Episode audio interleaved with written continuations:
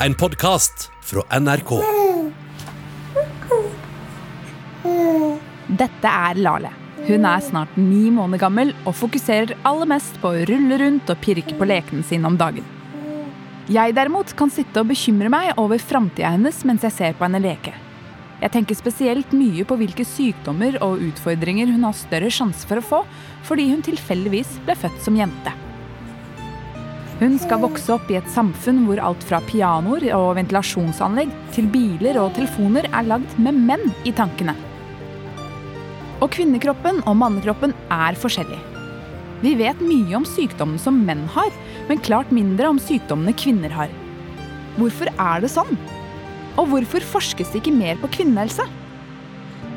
Jeg heter Selda Ekiz og er programleder, nysgjerrig-Per og en småbekymra mamma.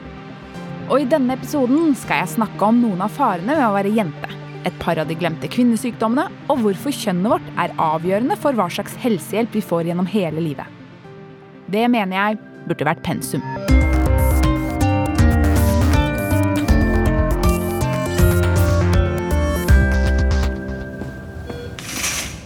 Har du noen gang tenkt på at det er forskjell på hva slags helsehjelp menn og kvinner får?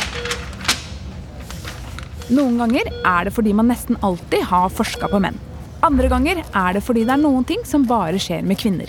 Graviditet, f.eks. Det skal jeg komme tilbake til. Men det er også noen sykdommer som bare rammer kvinner. Disse sykdommene har lenge fått mye mindre oppmerksomhet enn sykdommer som rammer både menn og kvinner. Og det har tatt mistenkelig lang tid å bli klok på dem. Som endometriose. Det er mange norske kvinner som har endometriose. Omtrent 10% faktisk, så ca. 260 000 i alt. Og det er en smertefull sykdom. Når kvinner har veldig sterke menstruasjonssmerter, begynner det nå å lyse noen varsellamper hos mange norske leger. For det kan være et tegn på at man har endometriose. Det som skjer da, er nemlig at celler som egentlig hører hjemme i livmora, har kommet seg andre steder i kroppen. F.eks. utenpå livmora, utenpå blæra eller i tarmen. Men de oppfører seg som om de fortsatt er i livmora. Så en gang i måneden blør de.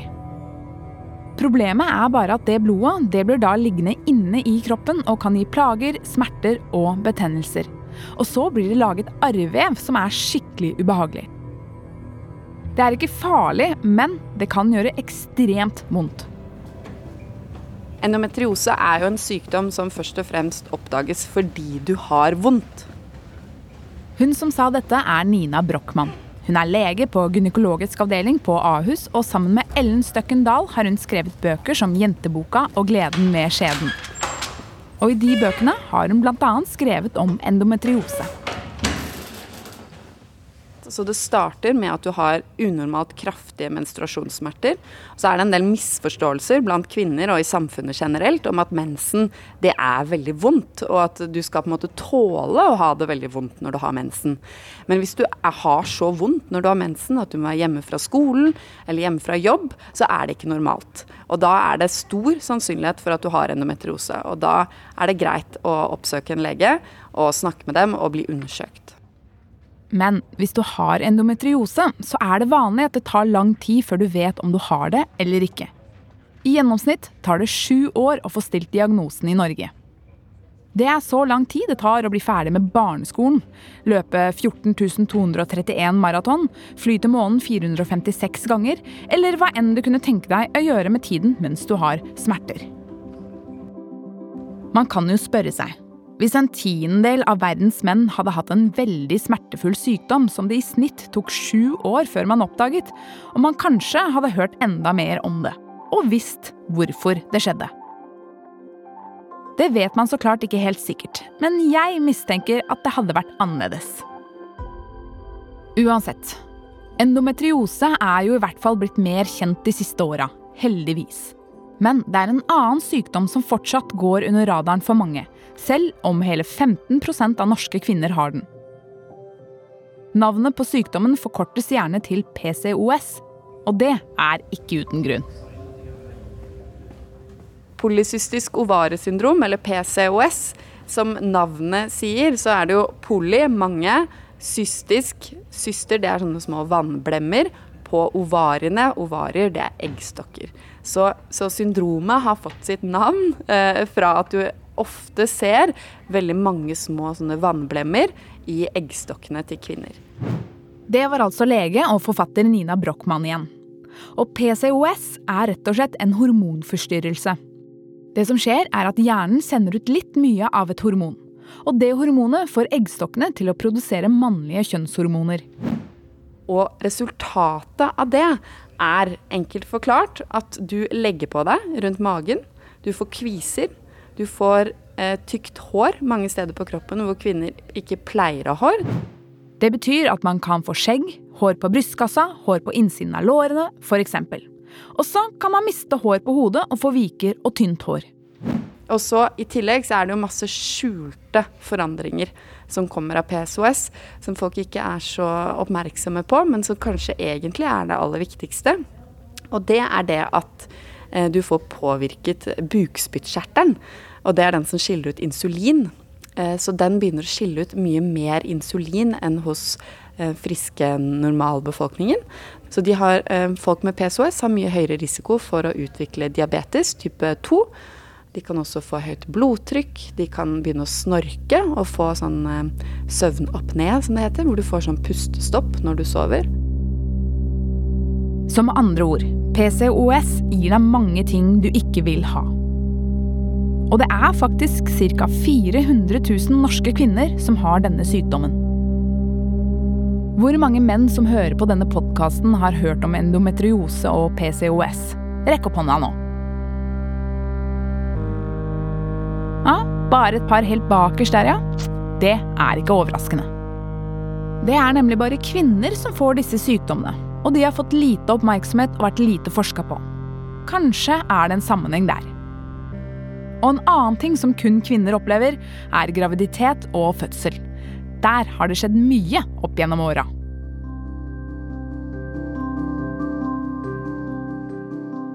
Da jeg gikk gravid med Lale, var det mye jeg måtte tenke på og nye farer som dukket opp.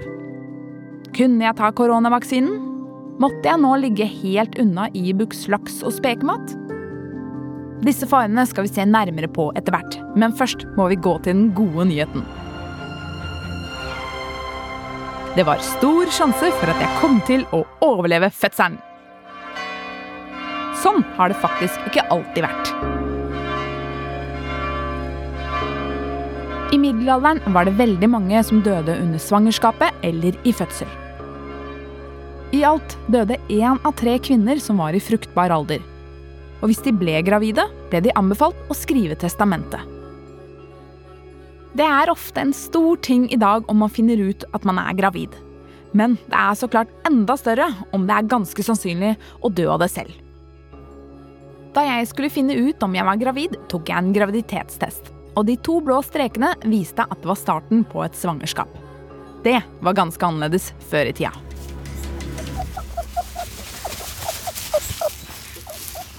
De første graviditetstestene kom først på 1920-tallet. Da sprøytet man kvinnelig urin inn i kaniner eller mus. Og så måtte de drepe dyra og dissekere dem. Hvis eggstokkene til dyra var større enn vanlig, betydde det at kvinnene var gravide. Derfor så ble det å si 'kaninen døde' et uttrykk for at noen var gravide. Selv om kaninen strengt tatt døde uansett om prøven var positiv eller ikke. Men på 1950-tallet kom de opp med noe som ble kalt Hogbens test. Den var mye enklere. For da måtte de bare sprøyte urin inn under huden på en afrikansk sporefrosk, vente et sted mellom fem og tolv timer og sjekke om den begynte å legge egg eller ikke. Superenkelt.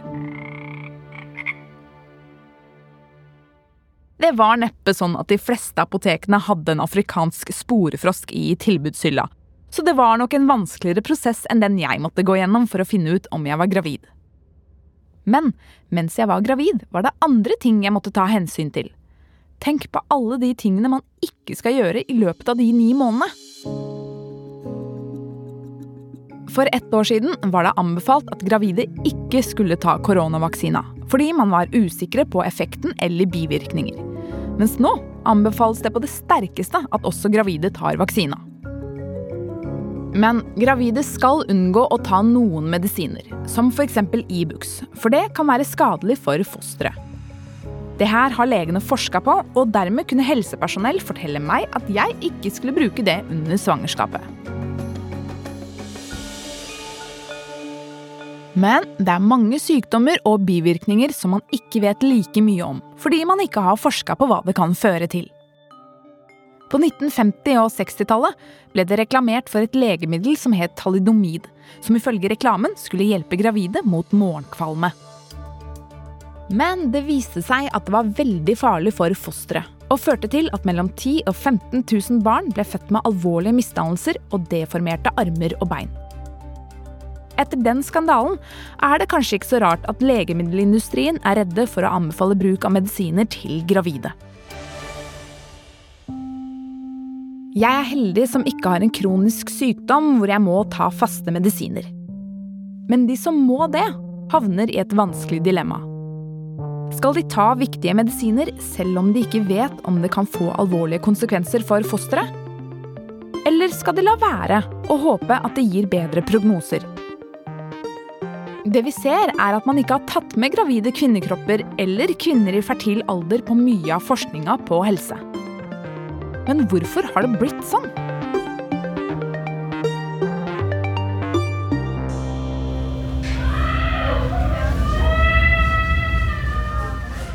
Da jeg kom meg til fødestua, var det heldigvis 2021 og ikke slutten av 1700-tallet.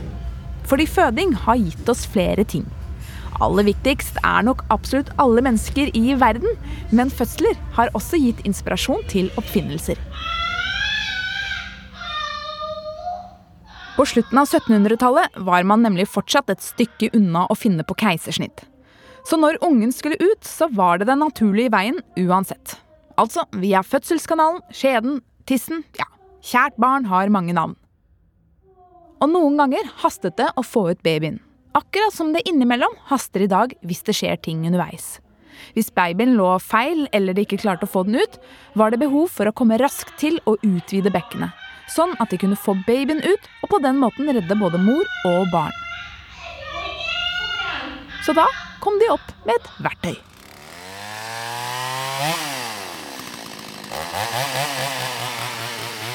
De hadde en sag med kjetting som de brukte på bekkenet, og som senere ble til det vi kjenner som motorsagen. De utvikla den riktignok videre før de satte den løs på store trær, men motorsagens opprinnelse var altså et behov for å brekke opp bekkenet på kvinner, og først senere ble det brukt til å rydde skog.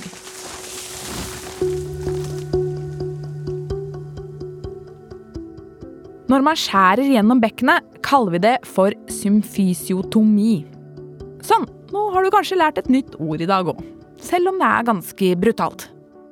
Vi skal være glad for at motorsager brukes mindre på fødestuer og mer i skogen i 2022. Noen ting er altså kvinner helt tydelig alene om. Menn kan ikke få endometriose og kan ikke bli gravide. Men det er også mange sykdommer som alle kan få, men som kvinner får oftere. ME, eller kronisk utmattelsessyndrom, er ett eksempel. Det er tre ganger så mange kvinner som får ME som menn. De fleste som får sykdommen, er i 30-40-årene eller i tenårene. Et annet eksempel er muskel- og skjelettsykdommer. Det kan være ryggplager, hofteproblemer og mye annet. Disse sykdommene er beregna til å være den gruppen med sykdommer som plager flest og koster mest. Og også her er det klart flest kvinner. Det er f.eks. tre ganger så mange kvinner som menn som har leddgikt. Enda større forskjell er det på en sykdom som heter lupus. Navnet lupus kommer fra det latinske navnet for ulv, fordi man trodde den kom av ulvebitt. Det vet vi nå at den ikke gjør, men vi vet ikke så mye om den likevel. Ni av ti av de som har lupus, er kvinner. I am really honored to be here with all of you guys tonight, my lupus community.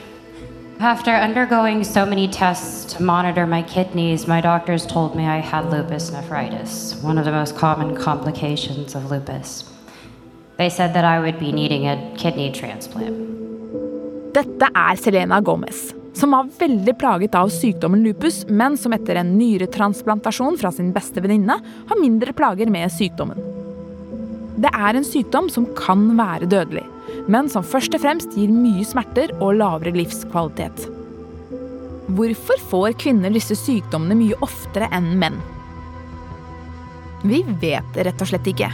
Men hvorfor vet vi ikke? Og hvorfor vet vi såpass lite om ting som kun rammer kvinner? Akkurat dette spurte jeg Nina Brochmann om. Det er jo en kjensgjerning at uh, medisinsk forskning i en stor grad har fokusert på menn opp gjennom uh, uh, tidene. Og det er jo én fordi det ofte har vært mannlige leger, og man er ofte mest interessert i det som eh, gjelder en selv. Det har vært noen unntak. James Marion Sims regnes som den moderne gynekologiens far.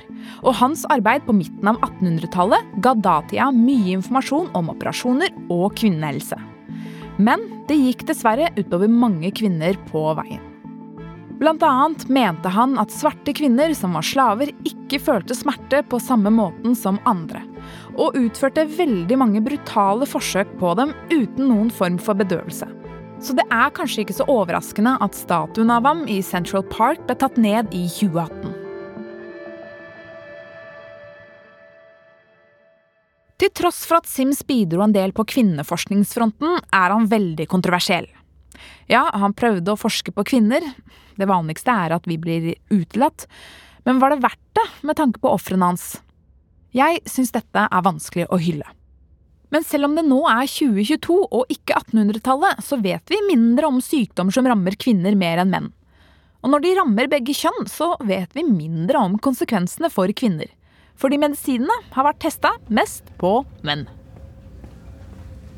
Og så når det gjelder legemiddelutprøving, da, som har stått for alle de største revolusjonene innen medisinen de siste 50 årene, så, så, har man veldig ofte ekskludert kvinner fra studiene. Fordi man har vært redd for at menstruasjonssyklusen og de kvinnelige eh, lumske hormonene skal påvirke resultatene av de medisinske utprøvningene. Og så kan du jo da snu det på hodet og si jo, men når halve verdens befolkning er kvinner, så er det vel relevant å vite hvis det er noen effekt av våre hormonsykluser på de medisinene. Men det er det ingen som har eh, brydd seg så veldig mye om. Så ja, nesten all forskning i medisinsk forskning i dag er basert på en ung, slank, hvit mann. Og det skaper problemer. Kvinner har f.eks. mindre hjerter enn menn. Det som heter arteriene, som er blodårene som ligger rundt hjertet, er også mindre. Og det får betydning for behandlingen. Vi vet også nå at kvinnehjertet reagerer annerledes på sykdommer som høyt blodtrykk og hjerteinfarkt enn det mannehjertene gjør, fordi de er annerledes. Siden vi vet mest om mannehjerter, er symptomene for et hjerteinfarkt i et kvinnehjerte mer diffuse og uklare. Og det er derfor lettere å forveksle med slitenhet, alderdom eller rett og slett mindre alvorlige sykdommer som influensa. Det er et eget begrep som heter stumme hjerteinfarkter som er et hjerteinfarkt med lite eller ingen symptomer. Det er like farlig, men vanskeligere å oppdage. Og det er selvfølgelig vanligere hos kvinner. Dette er bare ett eksempel. Inntil videre er dette ting vi vet altfor lite om, og som vi må forske mer på for å få mer peiling på. Men vi har et annet problem også, Nemlig oppfinnelser og teknologi i samfunnet som ikke tenker på at kvinner og menn er forskjellige. Og som da skaper helt nye forskjeller og problemer. Egentlig så reagerer vi ganske likt. Dette er Julie Renberg. Hun er forsker på forskningsinstituttet Sintef i Trondheim. Og hun har forska mye på temperaturer og hvordan det påvirker oss. Og menn og kvinner reagerer ganske likt generelt på temperaturer. Er selvfølgelig noen forskjeller. Så er jo kvinner mindre enn menn. Vi har mer underhudsfett enn menn, og vi har mer overflate i forhold til volum, sånn i snitt, da. Og alle de tingene har jo en betydning for hvordan omgivelsene påvirker kroppen. Det at vi har mer underhudsfett, f.eks., det gir jo oss et isolerende lag som hjelper oss å holde på varmen. Men så gjør det også at vi blir fortere kalde helt ytterst på huden når det er kaldt, fordi de isolerer. Og så er det jo der, helt ytterst i huden, vi finner kuldesensorene. Så kvinner er mer følsomme på temperatur enn menn. Og det betyr at som hovedregel trives kvinner når det er litt varmere. F.eks. på et kontor eller i et klasserom. Problemet med det er at da vi fikk oppfinnelser som aircondition og klimaanlegg som man kunne stille til en ideell temperatur, så måtte man jo velge en temperatur. Så da valgte de som jobbet med klimaanlegget, en temperatur som passet til det vanligste mennesket de klarte å komme på. En mann som er middels høy og middels tynn. For noen år siden var Julie med på et forsøk. Vi gjorde en demo egentlig, av en stor laboratoriestudie som ble gjennomført i Tyskland. De gjorde en matteoppgave, ordoppgave og en logisk test. Og sjekket hva slags utslag de gjorde om de endra temperaturen i rommet de satt i. Og det de fant, da, var at matteoppgaven og ordoppgaven eh, Der presterte kvinnene bedre ved høyere temperaturer, og så var det motsatt for menn.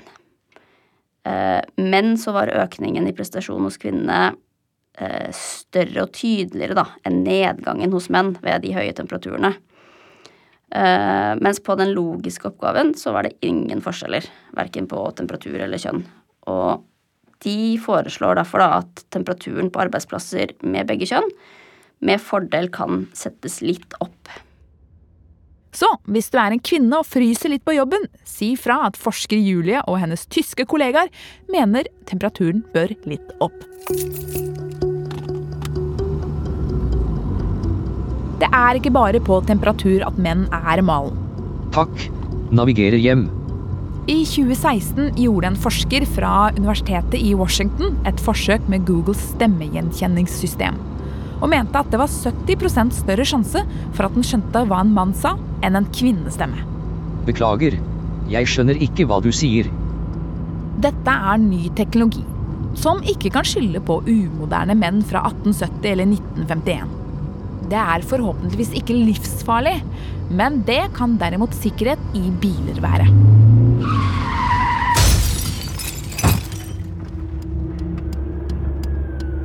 Det er flest menn som er med i bilulykker. Men når først kvinner er med i en kollisjon, er det faktisk 47% større sjanse for at hun blir alvorlig skada. Og 17% større sjanse for at hun dør.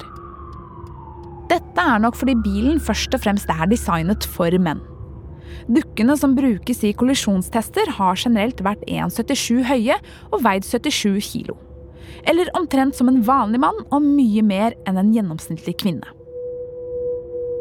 I 1995 var Volvo først ute med å teste med en kvinnelig kollisjonsdukke.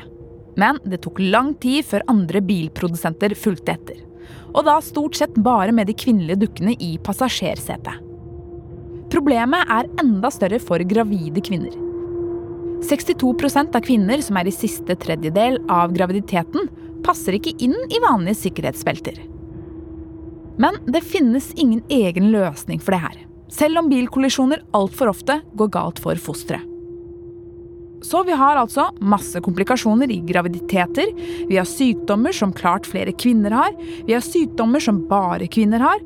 Og vi har teknologi som gjør alt dette her enda verre. Alt dette gjør at det er bedre å være mann i møte med helsevesenet. Vi har sett at man først og fremst har forsket på menn. Da vil man møte mer forståelse og kunnskap blant leger og behandlere som mann enn som kvinne. Mens mindre forskning og mindre kunnskap om kvinnehelse fører til at man som kvinne ofte blir dårligere møtt av helsevesenet. F.eks. er det fortsatt sånn at mange leger ikke kjenner igjen symptomer på endometriose og PCOS, eller andre sykdommer som er unike eller annerledes for kvinner. Eller så er behandlingen ofte ikke tilpassa kvinnekroppen, eller tar ikke hensyn til hvordan kvinnekroppen er satt sammen.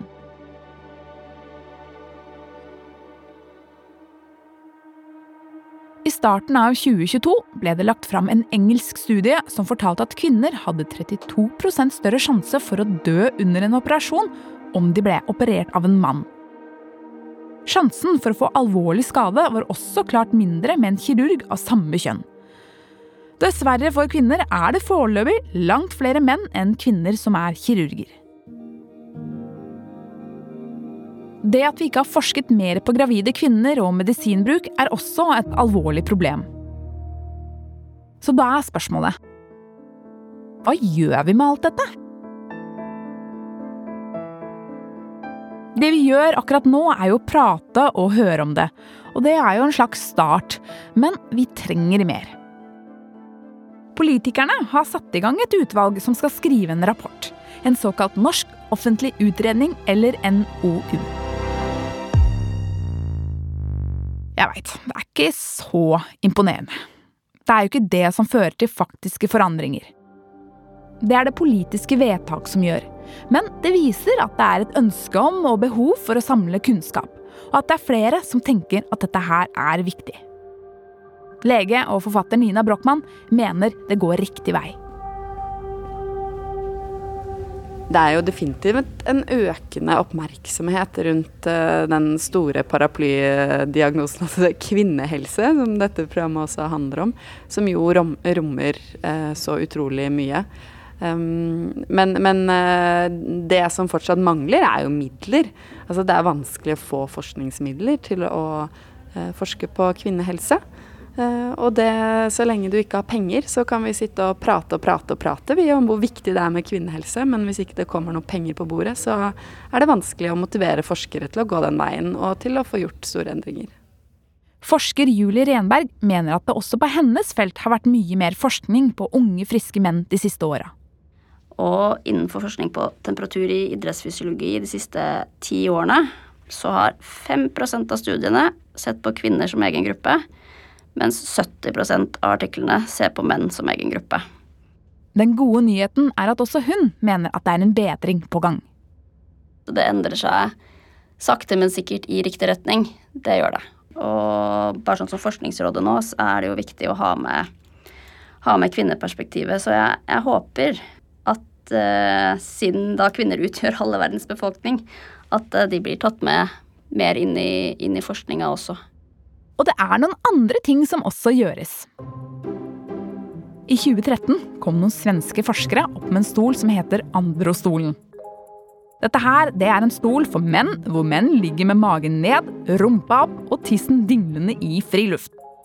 Den har ikke så mye annet for seg enn å gi menn et inntrykk av hvordan det kan oppleves for kvinner å sitte i en gynekologstol.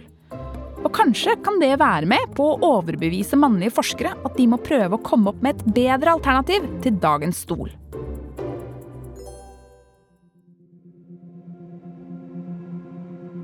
Forhåpentligvis går det faktisk riktig vei. Og kanskje kan du også bidra ved å fortelle andre om alle utfordringene med kvinnehelse. Og på den måten kan vi alle bidra til at det blir mer forskning og mer kunnskap om dette. Dette er de tre viktigste tingene du skal huske fra denne episoden. 1. Gjennom historien har man forska klart mest på menn. Derfor vet man mye mindre om hvordan kvinnekroppen reagerer, enn hvordan mannekroppen gjør det. 2. Én av ti kvinner i verden har sykdommen endometriose. Den er smertefull, og man vet ikke hvorfor kvinner får den. I Norge tar det i snitt sju år før man får satt diagnosen. 3. Vi trenger mer forskning på kvinnehelse. På den måten kan vi unngå at kvinner får feil diagnose, og sørge for at de får riktig behandling.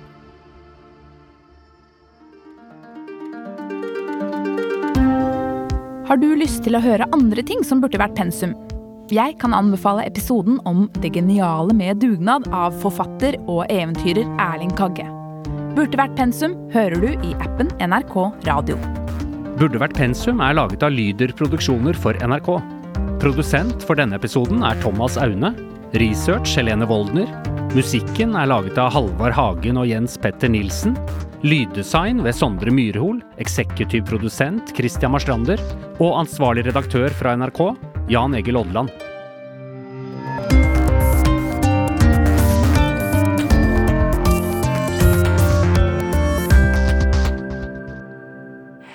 En podkast fra NRK.